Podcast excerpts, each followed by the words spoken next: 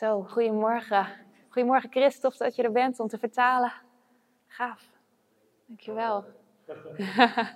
Fantastisch.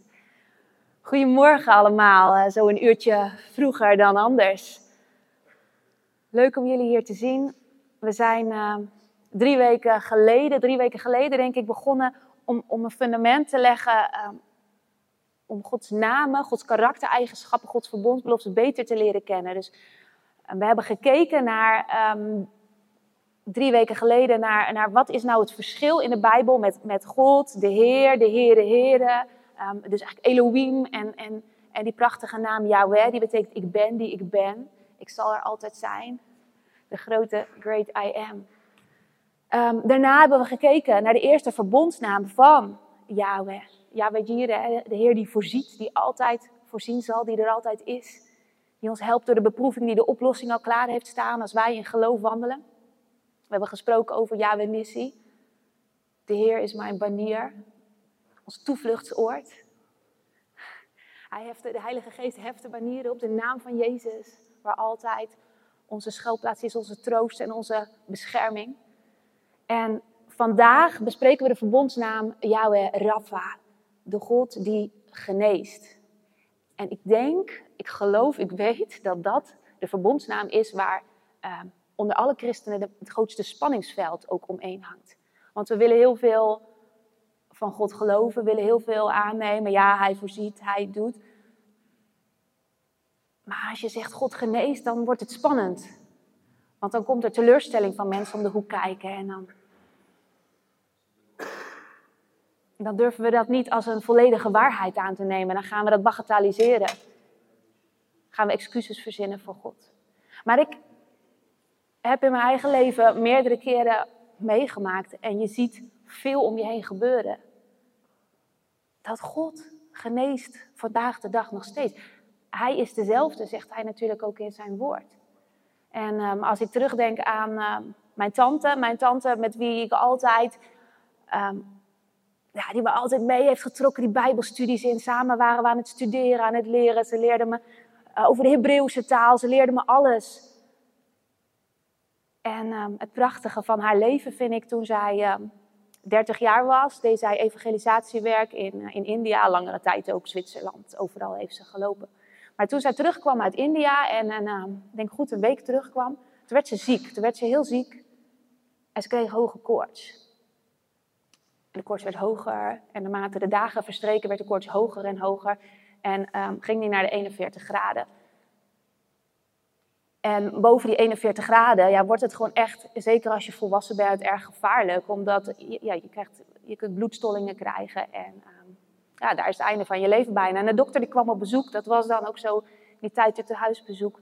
En um, het kwam op dat punt dat ieder uur haar bed verschoond moest worden door de enorme hoeveelheid zweet die van haar lichaam afdroop en het bed kletsnat maakte.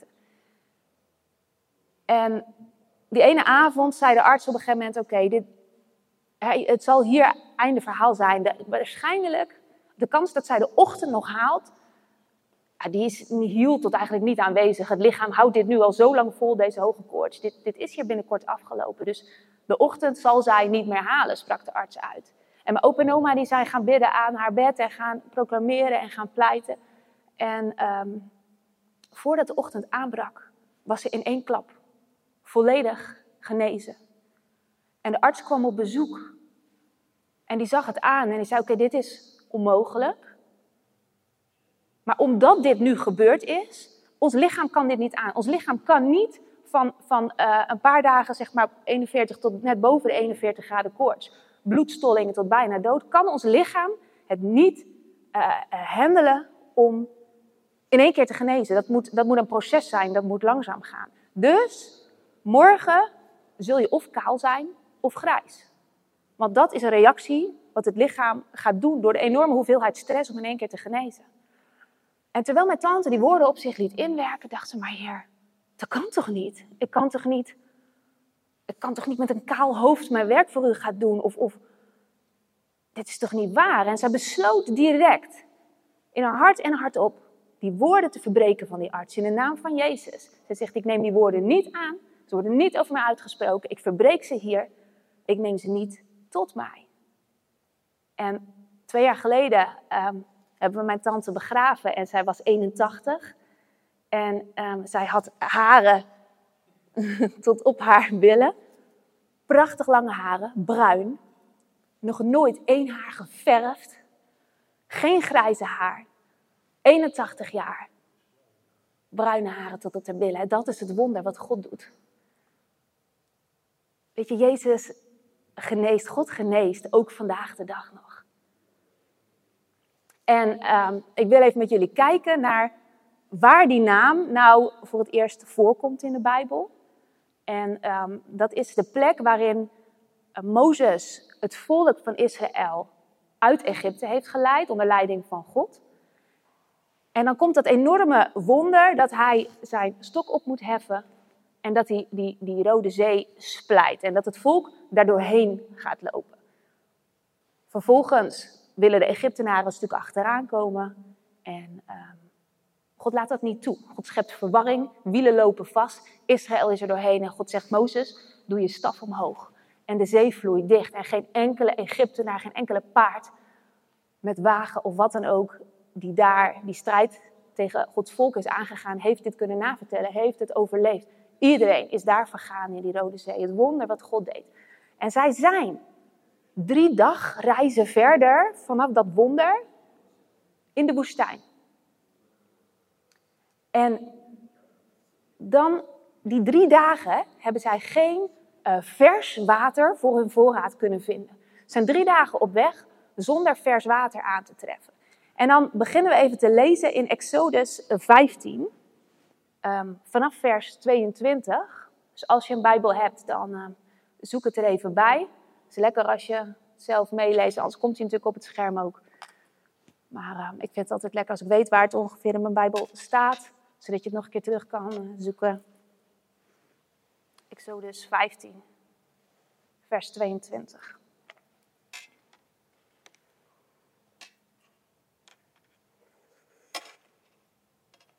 Oké.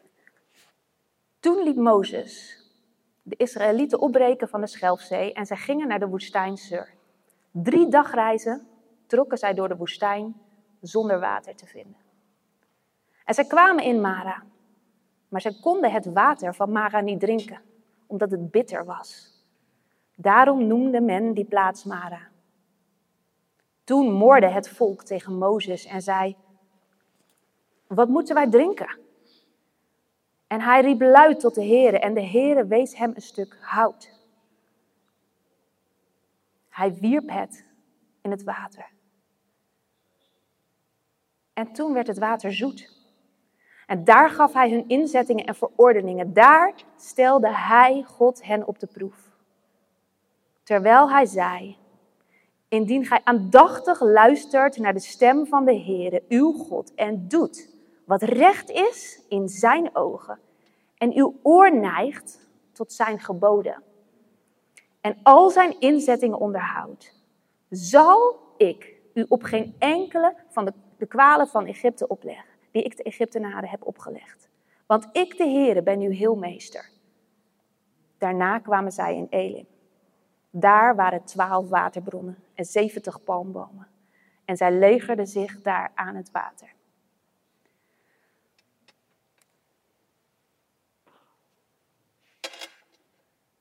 Het is een interessant stuk. Je leest er heel snel doorheen en denkt: oh, prima, mooi, drie dagen de woestijn in. Um, bitter water, God maakte het zoet. Luister naar mijn verordeningen. Maar laten we er eventjes iets dieper in gaan. Dus ze waren in die woestijn. Stel je even voor. Ze hebben net het grootste wonder ooit meegemaakt. Want wie heeft er hier wel eens uh, een, een, een zee open zien splijten met, met muren hoog, zodat je er doorheen kan lopen. Ja, ik ook dus niet. Maar zij hadden dit met elkaar meegemaakt. God zelf, waar ze voor die zee nog stonden te mopperen, waren we maar in Egypte gebleven, want we gaan hier dood, heeft God zelf een enorm wonder gedaan.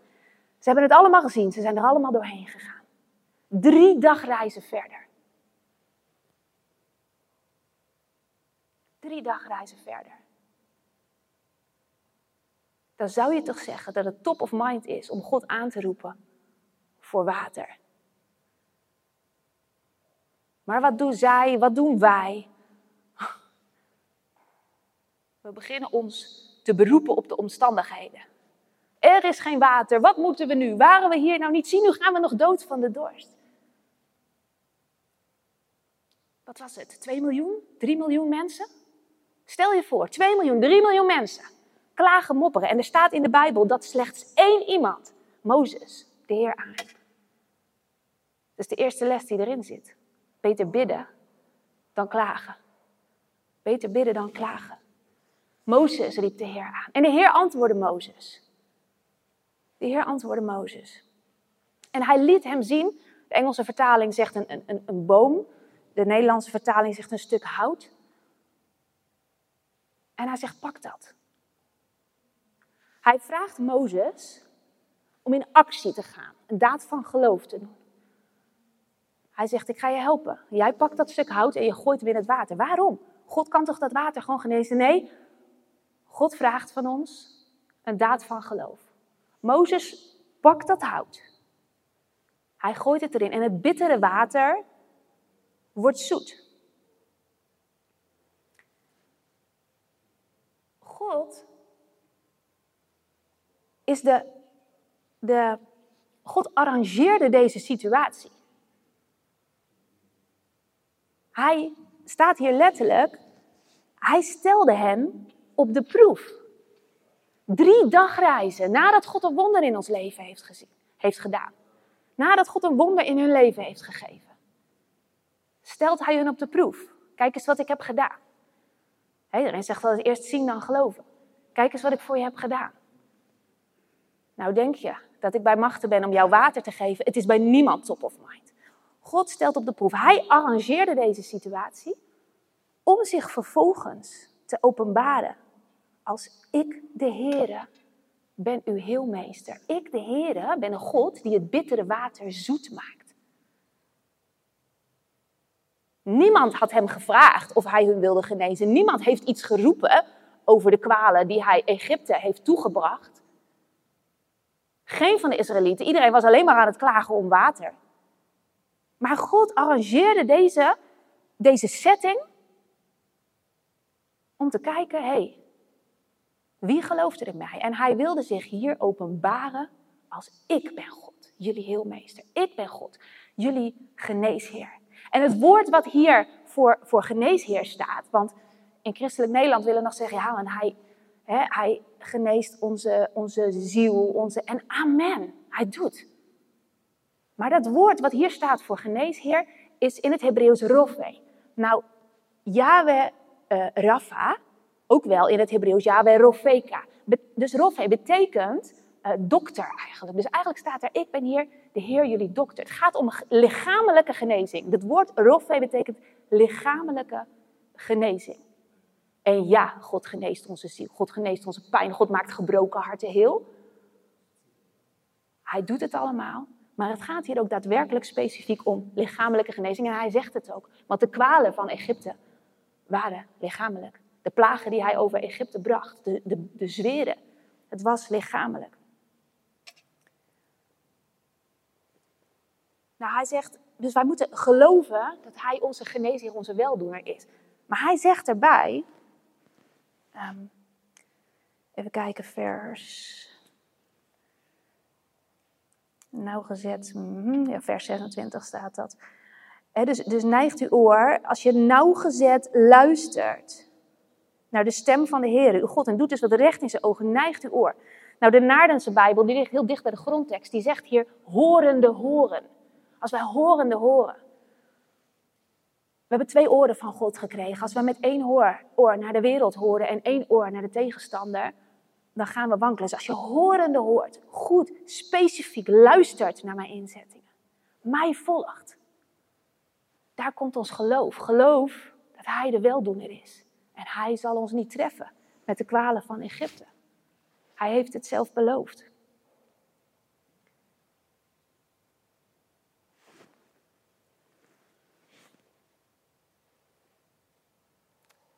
En weet je, als ik terugdenk aan. ehm, ik denk dat ik misschien wel eens gedeeld heb. Toen ik. Was, ik was 17 jaar en mijn beste vriendin was iets ouder. En zij kreeg een, eh, zij kreeg een babytje. En dat was, voelde echt voor mij een beetje als mijn kindje. En ik trok veel met haar, eh, maar haar op en ik verzorgde dat kindje. En toen kindje 6, 7 maanden was, werd het ziek, kreeg koorts.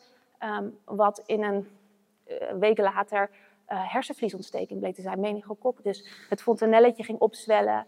ehm, de zwarte vlekken, de vlekken kwamen in beeld die niet wegdrukbaar waren. En ehm, het werd van kwaad tot erger. En ze kwam in het ziekenhuis en het werd zo erg dat de handjes zwart werden en begonnen af te sterven. En ook hier zei de arts, ehm, ja, ja dit, dit, de kans van overleven is, is nihil. Maar in ieder geval, ja, je ziet de handen gaan al afsterven. Dus die zal ze moeten missen als ze dit al gaat overleven. En ik zat thuis en ik dacht, heer, dit kan toch niet waar zijn? Dit kan toch niet waar zijn? En ik ging, ik zat op mijn knieën aan de, aan de kleine tafel, dus zo'n kleine tafel. En ik zat op mijn knieën en ik had mijn Bijbel erbij gepakt. En ik was aan het bladeren en aan het zoeken ehm, naar teksten waar ik me aan vast kon grijpen. Waarin God andere dingen belooft dan wat hier gebeurde. En ik was aan het zoeken en ik was aan het bidden. Ik dacht, dit kan niet waar zijn dat dit meisje zo jong, zo vroeg, haar leven verliest. En God geneest. Hij heeft dit kind op wonderbaarlijke wijze, ehm, zonder missende hand, zonder wat dan ook, geruim genezen. En ze is, even oud als ze, is 22, 21 nu. Ze is een, jaartje ouder dan, dan onze oudste zoon. En ehm, het is een prachtig gezonde meid. Ik heb je denk ik laatst ook verteld dat ik Julia, onze jongste dochter, ik werd van school gebeld of ik haar op wilde halen, want ze had zo'n last van haar oor. Ik dacht last van haar oor. Hoezo last van haar oor? Dus ik vanochtend helemaal nergens last van. Ik dacht nou, ze zal wel een smoesje om naar huis te komen. En ik haalde haar op van school. Krijs, gillen, alleen maar. En het werkte me dusdanig op mijn zenuwen dat ik me niet meer kon concentreren. En ik begon tegen haar te spreken, weet je wel, je moet, we gaan bidden, je moet geloven. En er zat ongeloof in mijn hart en ze twijfel. Ik geloofde het helemaal niet, dus ik wist dat. Dus ik zei tegen haar, ik zeg, oké okay, luister. Wil je dat God je geneest? Dan moet jij geloven. Want op basis van jouw geloof zal God je genezen. Ja, weet je wel, gillen. Ik wil het niet, ik wil, ja, ik wil niet, maar ik heb zo'n pijn. En in mijn wankel, twijfel en ongeloof zei ik, nou, dan bellen we de dokter. Ah, nog harder gillen, want de dokter had niet aan haar zitten. En uh, dan moet je geloven. En ik werd een soort van wanhopig. Ik zeg, maar dan moet je echt geloven. Dan gaan we nu samen bidden. En we spraken samen dat gebed uit. En ik zei, heer, op haar geloof zal het genezen. Want ik wist dat mijn geloof dat met niet toereikend zat. En ze bleef huilen. En ik dacht, ja, ik, ik kan, als ik straks zo die nacht in moet, dit kan echt. Dit is echt niet normaal, dat gekrijs. Ik ben niet zo snel in paniek als ze een beetje pijn hebben, maar dit was echt niet oké. En um, ik belde de dokter, we konden een uurtje later langskomen en, en we gingen daar naar binnen, huilen, krijzen. Hij ging in haar oor kijken en hij zegt, oei, oei, oei. Hij zegt, goed dat je bent gekomen, want ze heeft een zware middenoorontsteking. Hij zegt, echt heftig. Hij zegt, maar ook aan die andere kant, waar ze niet, waar ze niet naar grijpt. Hij zegt dus... Uh, Um, ik geef je uh, een recept mee voor een antibiotica-kuur. Die kun je ophalen. Voor nu pijnstiller. Zorg dat ze vannacht echt niet plat ligt. Komt er veel te veel druk op de oren dat ze omhoog ligt. Oh ja, oh ja. Ik dacht, oké, nou, fijn dat we zijn gegaan. En ik liep met haar op, de, op, de, op mijn arm naar buiten. En op het moment dat we de deurdrempel van de huisarts van het gebouw overstapten. En Julia die zat zo op mijn arm. En het moment dat we de deurdrempel overstapten, ze haalt haar hand van de oren af en ze zegt: Het is over. En ik werd vervuld met een diep ontzag voor God. Ik dacht: Oh Heer, oh Heer, u heeft het gedaan, u heeft het genezen. En dan menselijk ben je nog ietsjes gespannen en dan denk je: Gaat dit goed of is het over een half uurtje weer terug? En ze heeft heerlijk geslapen die nacht. Ze heeft nergens meer last van gehad. Ze heeft gewoon plat gelegen. Geen pijnstillers, geen antibiotica, niks.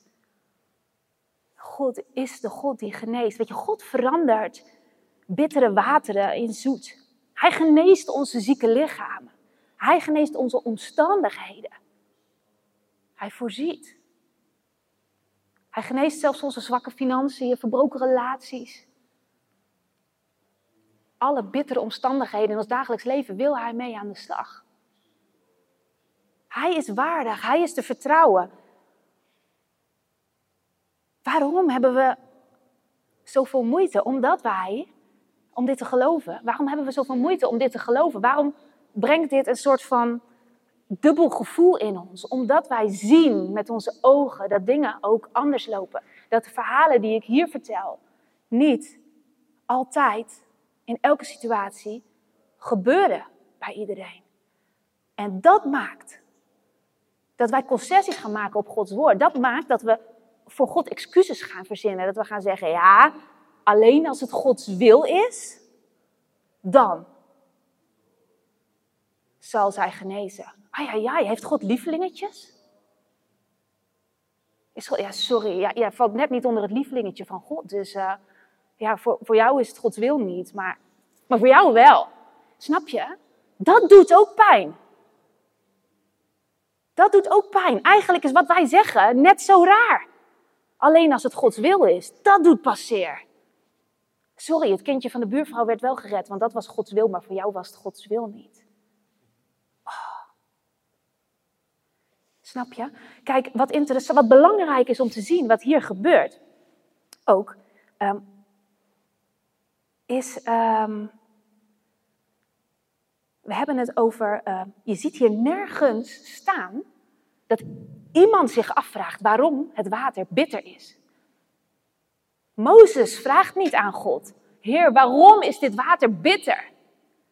Mozes vraagt aan God of God wil voorzien in water wat zoet is. Snap je, wij zijn vaak zo gericht op onze omstandigheden. Dat het ons brengt in, in, in ongeloof, in twijfel, in moeilijkheden, dat we dingen gaan verdraaien, dat we excuses gaan verzinnen voor God of dat we onszelf gaan indekken. Als we voor iemand bidden, ja, als God het wil, ik ga voor je bidden, als God het wil, ga je genezen. Maar ik denk dat we zelfs nog meer op onszelf moeten kijken. Daar komen we straks nog wel even op terug. Ehm, een ander ding nog uit dit verhaal. We hadden het even over dat stuk, dat stuk hout wat Mozes in het water moest werpen. Dat stuk, uh, nou ja, herziene statenvertaling of uh, King James en de Amplified hebben het over een, een boom, een, een, branch of a tree. En um, uh, ja, Amplified pakt hem nog als een branch of a tree, dus een stuk hout. King James heeft het over een, een boom. En wij zeggen een stuk hout. In ieder geval, het woord wat hiervoor gebruikt wordt, en daarom wordt hij op verschillende manieren vertaald in het Engels als in het Nederlands. In het Hebreeuws staat hier S. En de betekening, betekenis is breder dan één woord wat wij hebben in het Engels of in het Nederlands. De betekenis um, is zowel een levende groeiende boom als een boom die wordt omgehakt. Dus het is, een, het, het is echt een breed woord. Een levende groeiende boom als een boom die wordt omgehakt. Nou, in het Grieks, in het Nieuwe Testament, wordt, wordt een woord gebruikt voor het kruis waar Jezus aan gehangen werd, die exact dezelfde betekenis heeft als het woord Hebreeuws S. Dus, dus die, die, die, die, uh, die groeiende boom, zowel, die groeiende levende boom, zowel als die boom die omgehakt is. Wat ons dus uh, direct verwijst, deze gebeurtenis. Naar dat wat Jezus volbracht, de plaats waar het verbond tot genezing zijn ultieme vervulling vindt. Dus dat stuk hout hier, die bitter water zoet maakt, is hetzelfde hout waarin Jezus, is hetzelfde, dezelfde benaming als waar Jezus voor ons zijn leven gaf.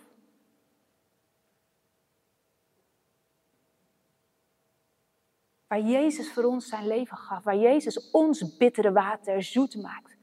Waar vergeving van onze zonde is. Waar voor genezing voor onze lichaam is. Dat is datzelfde hout, diezelfde naam. Dus wanneer we bittere omstandigheden in ons leven meemaken, dan focussen we, ons, zoals we, focussen we ons, zoals we elke dag zouden moeten doen, op Jezus zelf. Op Jezus zelf. Hij heeft het beloofd en hij is getrouw om het te doen. Hij is degene die bitter water zoet maakt. En ja, het is niet altijd direct zichtbaar, maar God zegt niet eerst zien en dan. Uh, wij zeggen eerst zien en dan geloven. Maar God zegt eerst geloven. Eerst geloven. En dan zien. En soms krijgen we direct daarna te zien dat God oplossingen geeft, dat God deuren opent, dat God dingen verandert. En soms gaan we door een tijd van beproeving heen, die langer duurt. Die langer duurt. Kijk naar Jozef. Jozef kreeg een droom van God. Oh, zijn omstandigheden werden bitter en diep. Twintig jaar lang ging hij door het stof van, van, de, van de put naar, de slaven, naar, naar, naar verkocht als slaaf, naar de gevangenis, naar de diepste kerker. Maar God maakte zijn bittere water zoet. Maar we moeten geloven en hij had geloof. En na het geloof zullen we zien. De ene keer heel snel, de andere keer moeten we langer in die beproeving volhouden. Langer in die beproeving volhouden.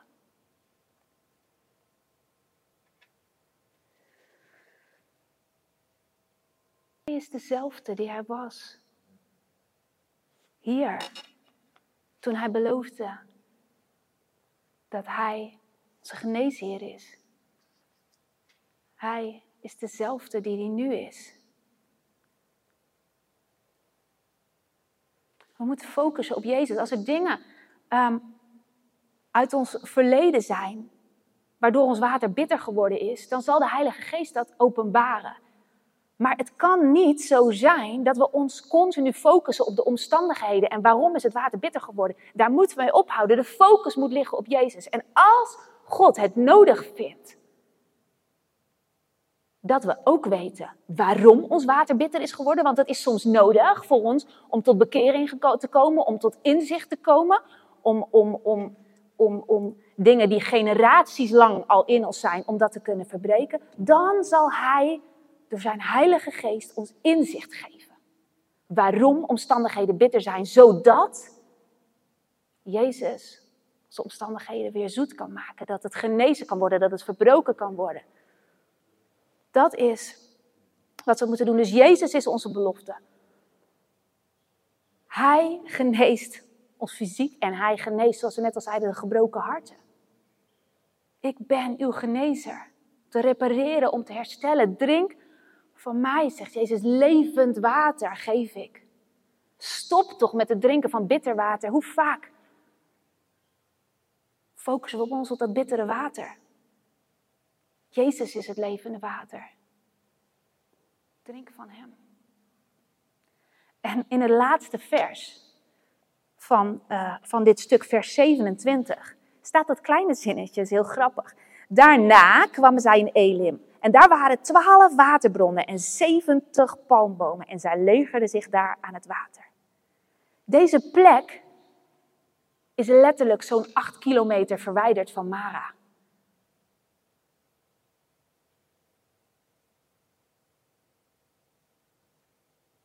Dat is dichtbij. Maar God wilde eerst zien hoe zij, in de, hoe zij de beproeving zouden doorstaan. Hij wilde dat moment aan hun bekendmaken. Ik ben jullie geneesheer. Kom toch bij mij. Ik maak je bittere water zoet. Maar zo dichtbij waren de palmbomen, was het water. God heeft het allemaal al klaarstaan. Alleen het vraagt van ons die actie. Dat stukje geloof, dat stukje handelen. God testen. En daarom zichzelf te bewijzen als Yahweh Rafa, de God die geneest. Hoe staan wij in onze beproevingen? Zijn wij ons wonder van drie dagen geleden alweer vergeten?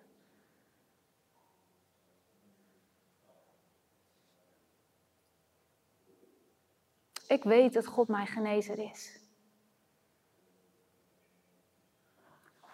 En als we kijken hoe Jezus dit voorleefde. Overal in het Nieuwe Testament. Laat hij zien dat wat hij in het Oude Testament heeft beloofd. Hij maakt het tot werkelijkheid door zijn wandel. En hij roept ons op om hetzelfde te doen. Door de kracht van de Heilige Geest. In afhankelijkheid van Hem. Dat Hij door ons heen mag gaan werken. Maar zoals we net al even aantipten, dit is zo'n spannend onderwerp. Want hier kom je heel dicht bij pijn en teleurstelling van mensen. Maar het is onmogelijk dat we God de schuld gaan geven van leed in de wereld. Als ik eerlijk naar mijzelf kijk, hoe vaak pakken we die zekerheid van geloof? Of wordt ons geloof overruled door twijfel en door ongeloof? Snap je? Als iemand genezing nodig heeft, hoe snel gaat er een gedachte in ons hoofd? Oh oh, als die maar geneest. Snap je? Hoe vaak hoor je niet dat mensen voor gebed van genezing komen en zeggen: Ja, ik hoop dat God mij gaat genezen. Of uh, ik hoop het. Of, of, of we zullen zien waar het schip strandt. We zullen zien waar het schip strandt. Maar dat is geen geloof. Snap je? We denken wel dat we geloven. Maar het schort ons nog heel vaak aan dat geloof, dat mosterdzaadje waar God het over heeft. Om die uit te laten groeien tot een, tot een grote struik die niet omver te duwen is. Waar ongeloof en twijfel hun, hun, hun ruimte niet meer kunnen krijgen.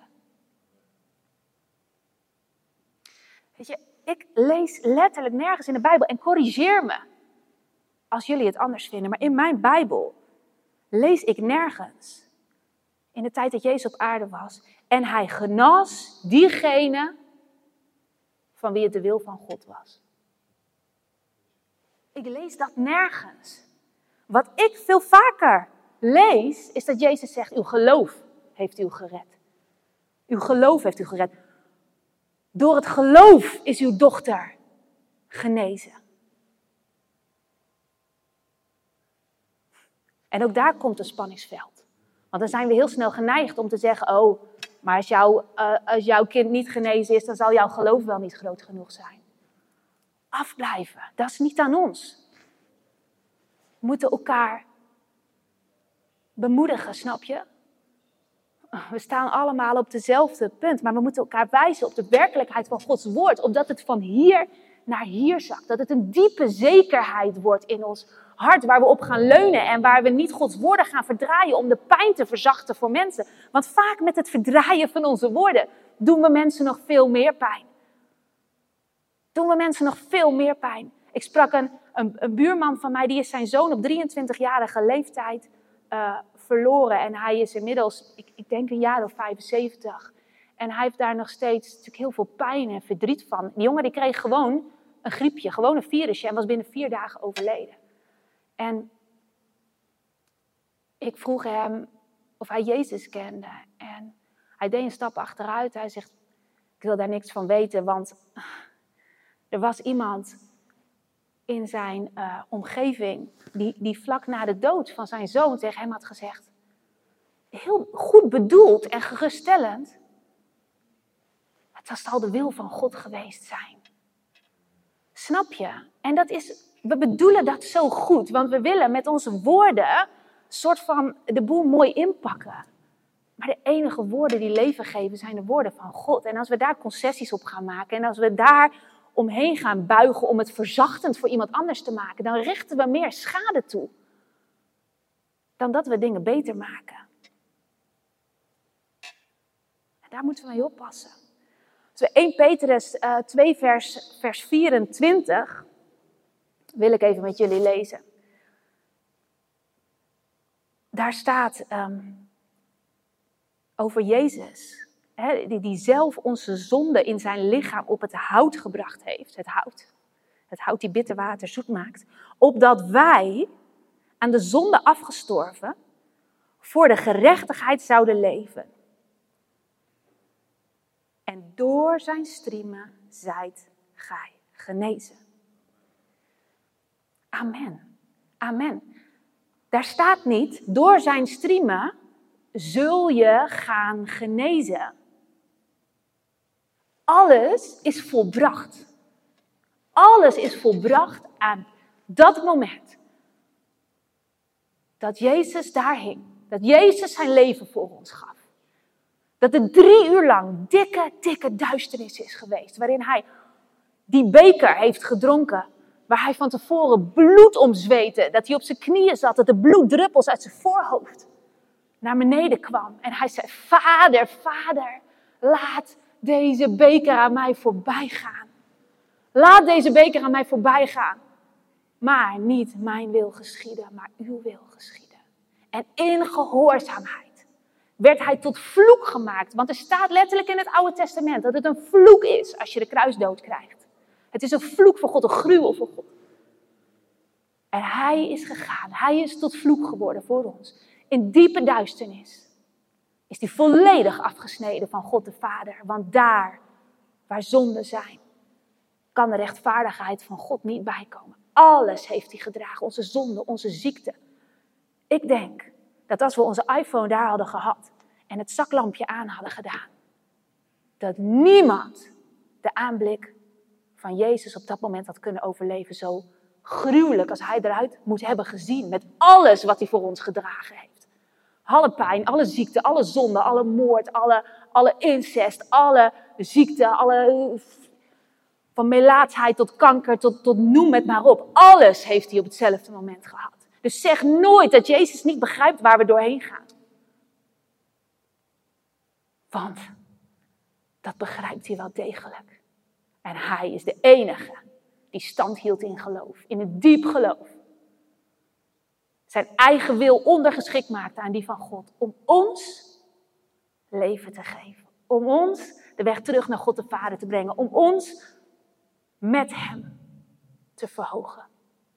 Omdat Hij wist dat we never, nooit niet op basis van ons eigen kunnen terug naar God zouden komen. Wat we ook doen in dit leven, hoeveel we ook weggeven.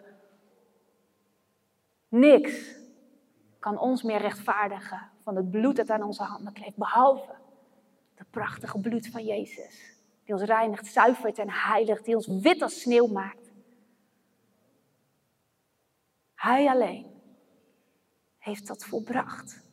Hij heeft het volbracht. Door zijn striemen hebben wij genezing ontvangen. Zijn we al genezen?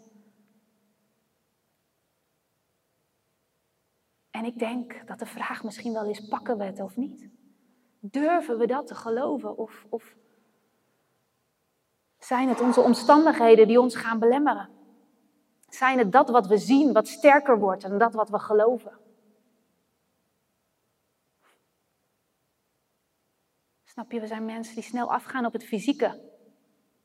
We willen het wel even geloven, maar als we zien dat dingen anders lopen, dan zijn we uit het veld geslagen, dan zijn we teleurgesteld, dan weten we het even niet meer, dan geven we op. Sterker nog, ik zal je vertellen, vanochtend vroeg, ik zet altijd op zondagochtend super, super, super, super vroeg mijn wekker om, om samen met God naar de preek van vandaag te kijken, om, om aan zijn voeten te komen, om te luisteren, Heer, wat, Help me in de fine-tuning. En natuurlijk, als ik hier sta, leidt mij. En als ik dan links of rechts afwijk van de preek, uw geest gaat het doen. Maar juist in dat heilige moment, ochtends, waarin ik, God, waarin ik zo dicht bij God mag zijn en Hij mij gedachten, nieuwe inzichten geeft. En dat ik denk, oh ja, heer, dat ik het inderdaad beter zo. En vanochtend ging mijn wekker heel vroeg. En ik werd overvallen met een diepe, diepe angst. Maar zo'n diepe angst om te spreken, dat ik begon te klappertanden. En ik ga je vertellen, Danny slaapt heel diep altijd. Maar hij werd wakker van mijn geklappertand. Ik, was, ik begon te rillen, te klappertanden, te klappertanden. En er zat zo'n angst in mij. En het enige wat ik voelde is echt, je moet niet gaan. Dit is, dit is, dit, gaat, dit wordt niks. Dit wordt niks. Zo'n angst, ik kan het je niet beschrijven. Amen, amen, vrees niet. Die hele zachte stem die zegt: Vrees niet, want ik ben met je. Dat is God. Terwijl mijn omstandigheden werden overschreeuwd door het gevoel van diepe angst, door het gevoel van klappertanden, door het gevoel: ik kan dit niet, ik kan dit niet. Maar God zei: Vrees niet, want ik ben met je. Ik ben jouw God. Ik help je. Ik sterk je. Ook ondersteun ik je met mijn heel rijke rechterhand. Hij zegt het in Jesaja 41. Daar moeten we ons aan vasthouden. Niet wat we zien, niet wat we voelen. Maar oh, het is zo moeilijk. Want ons gevoel overschreeuwt ons.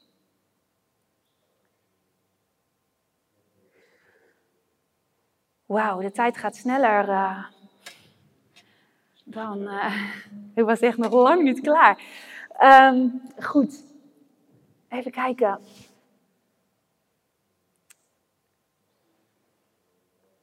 Kort er nog een stukje in. Ja, kort een stukje in, dan zitten we hier vanmiddag nog. Deze naam van God, daar kun je dus. Weet je, daar hebben we aan een, daar hebben we aan een zondagochtendje niet genoeg aan om hierover te horen, om hierover te leren, om hierin te groeien. Dit gaat veel dieper. Um, maar laten we nog wel even de tekst van Matthäus 8 pakken, vers 16 en 17.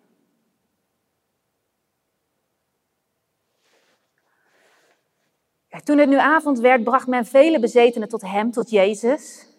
En hij dreef de geesten uit met zijn woord. En die ernstig ontsteld waren, uh, genas hij allen. Allen. Genas hij allen. Opdat vervuld zou worden hetgeen gesproken tot de profeet Jesaja. Toen hij zei, hij heeft onze zwakheden op zich genomen en onze ziekte heeft hij gedragen. Snap je? Het is al volbracht. Je ziet het hier, Jesaja, hij heeft het op zich genomen, hij heeft het gedragen. Het is volbracht. Het is er al in de geestelijke wereld. Het ligt daar voor het grijpen. Als wij in die diepe zekerheid van geloof kunnen gaan. En um, ja, dan sla ik toch dit middenstuk over, even over. En dan wil ik je um, niet onthouden um, de getuigenis van een collegaatje van mij, Stephanie. Wat een prachtige vrouw van God is. Zij ook. Zij kreeg haar vierde kindje.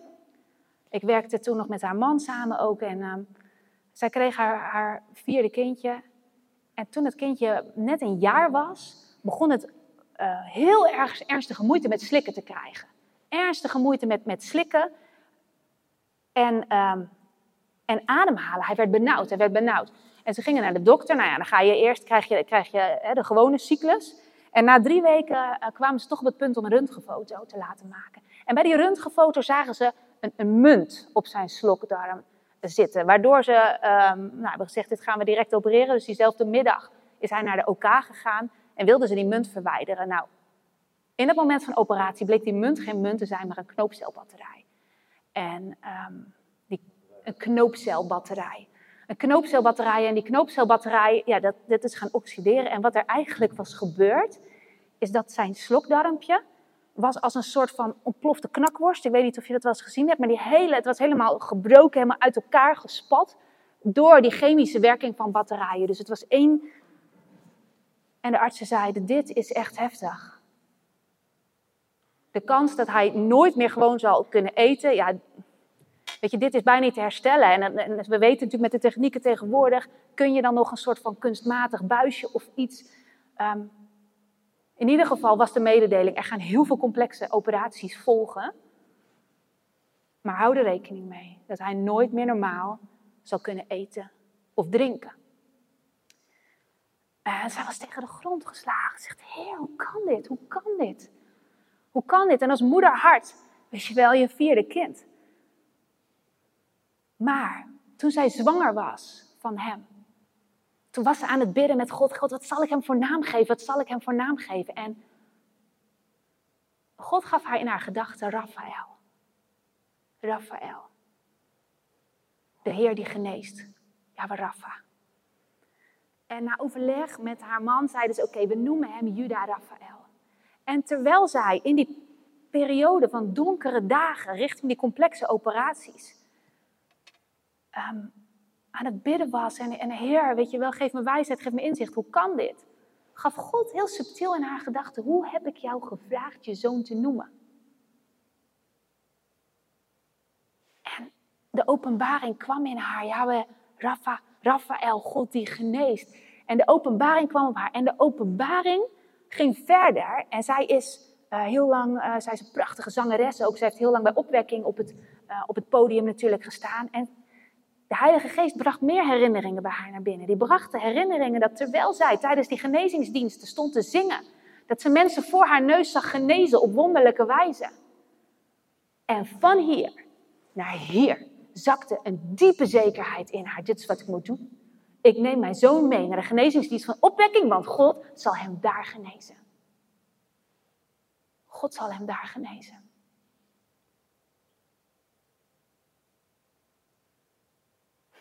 Je kunt raden wat er gebeurt.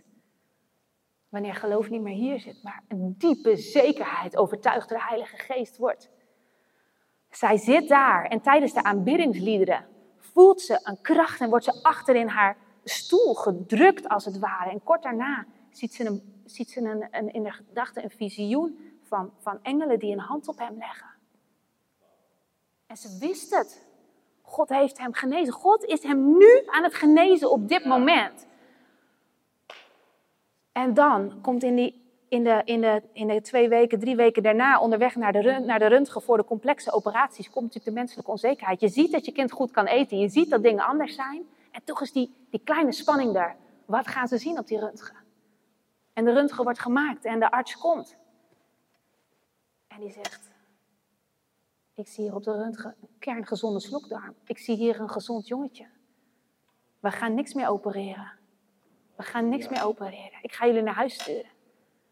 Weet je, dat is wie God. En dat is die diepe zekerheid. En in Lucas, um, even kijken, in Lucas 8, vers 43 zie je dat met die Canaanitische vrouw.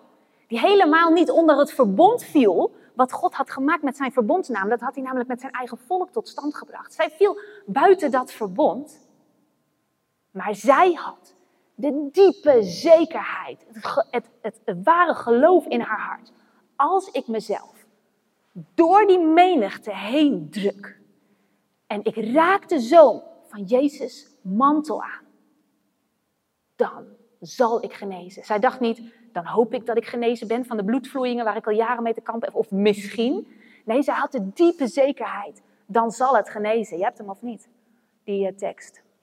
dan, of heb ik die wel of niet doorgegeven? Dan kunnen we hem wel heel even snel kort lezen. We zijn bijna klaar hoor. Ja. Het is, um, Lucas, Lucas 8, vers 43 tot 48. Heb ik jou doorgegeven of niet? Misschien heb ik dat niet hoor, want dan dacht ik van dat hoeft niet. Ja, dus en een vrouw die sinds 12 jaren aan bloedvloeiing leed en door niemand kon genezen worden, kwam van achteren tot hem en raakte de kwast van zijn kleed aan en terstond hield haar vloeiing op. Zij wist, net als mijn collega Stephanie hier, zij geloofde. Haar geloof was niet twijfel, hoop, misschien. Ik kies ervoor om dit te geloven. Zij wist het. Dit moet ik doen en dan ben ik genezen. En het interessante is dat Jezus daar stopte en zei: Wie heeft mij aangeraakt? En zijn discipelen zeiden: Maar Heer, kijk die hele menigte die om u heen drukt. Natuurlijk raken mensen u aan. Nee, nee, nee, zegt God. Iemand heeft uit geloof mij aangeraakt. Iemand heeft mij aangeraakt om genezing te ontvangen. God voelde de kracht. Jezus voelde de kracht uit hem, door hem heen vloeien. Van iemand die vanuit geloof genezen wordt. De kracht van geloof. Prachtig toch? En de vrouw kwam schoorvoetend naar voren en die zei: Ik? Zij vertelde haar verhaal. En Jezus zei: O vrouw, groot is uw geloof. Door uw geloof zijt gij genezen. Wauw.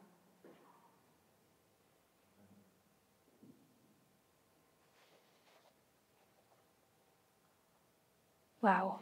En ik kan echt nog zoveel voorbeelden uit de Bijbel hiervoor geven. Um, maar ik denk dat de boodschap duidelijk is.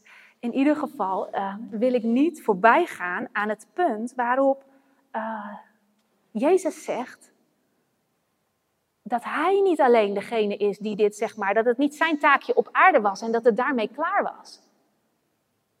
Maar hij zei zelfs tegen de discipelen, het is beter voor jullie dat ik ga. Weet je, ik zal de trooster sturen, de Heilige Geest Jullie zullen dezelfde en zelfs nog grotere werken doen. Door de kracht van de Heilige Geest. En dat sprak hij niet alleen voor even hun en dat als hun dood waren, dat dat dan voorbij was. Hij geeft die opdracht aan ons. Ehm, en in uh, Matthäus 10, vers 8 staat, staat dat ook. Genees de zieken, reinigt de melaten. Ik heb die tekst niet gegeven hoor, dus uh, maak je het niet druk.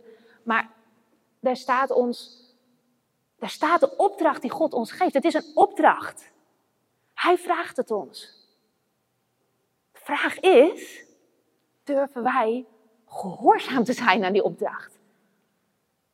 Durven wij in dat geloof te stappen en uit te schakelen wat ons twijfel, ongeloof, wat misschien wel, wat misschien niet. Maar in geloof te staan. In afhankelijkheid van God, in gehoorzaamheid aan wat Hij vraagt. Want we kunnen nooit verdienen de verlossing, de redding die Jezus heeft volbracht. Maar we kunnen wel Hem behagen. Met gehoorzaamheid en met geloof. Dat zijn de dingen die God behagen. Dus dus het aannemen van Jezus is, is cruciaal voor onze redding. Zonder Hem is er geen redding. Maar willen we Hem behagen, doen we dat door gehoorzaamheid aan Zijn woord en geloof in dat wat Hij zegt. En niet het verdraaien van Zijn Tot, tot slot, oh ja, dan hadden we nog Paulus, die zegt ook elke keer, ten slotte, ten slotte. mag meerdere keren de preek beëindigen, toch? Eén interessant ding die ik nog even wil aanstippen is dat Jezus in zijn eigen geboorteplaats komt, in Nazareth. Hij komt in Nazareth en hij heeft prachtige dingen overal gedaan. En wat staat daar dan? Daar staat in Marcus 6, en hij kon daar geen enkele kracht doen. Alleen genas hij enige zieken door handoplegging. En hij verwonderde zich over hun ongeloof. Hun ongeloof. wat kan eruit? Hij is toch die zoon van die timmerman? Wat, wat komt hij brengen? We kennen zijn zussen zelfs. Hij verwonderde zich over hun ongeloof. En hun ongeloof blokkeerde elke kracht die God voor ze klaar had liggen. Laten wij niet zo zijn. Laat, oh, prachtig uit. Laat ons ongeloof niet blokkeren. De kracht die Jezus voor ons klaar heeft liggen. De belofte die Jezus aan ons heeft gedaan. Sluit af met Malachi 4, vers 2. En daar staat: Maar voor u, die mijn naam vreest, zal de zon der gerechtigheid opgaan. En er zal genezing zijn onder haar vleugelen. Gij zult uitgaan en springen als kalveren uit de stal. Laten we onze hoop, onze geloof, onze zekerheid zetten op de Allerhoogste God, de Koning Jezus, de God die geneest.